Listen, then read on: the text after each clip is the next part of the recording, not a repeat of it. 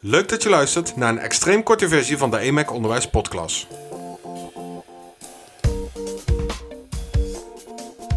Uh, Frank, waarom zijn wij vandaag niet met, uh, met een uh, interview, met een gesprek? Waarom, waarom zijn we zo super kort maar? Ja, nou even heel simpel gezegd. We hebben gewoon geen tijd gehad, omdat we druk zijn geweest deze week met iets heel erg leuks. iets gaafs. Iets super gaafs. En daar gaan we aanstaande maandag meer over vertellen. ja, ja we, hebben, we hebben een hele gave opdracht gemaakt voor, voor scholen, voor leerlingen.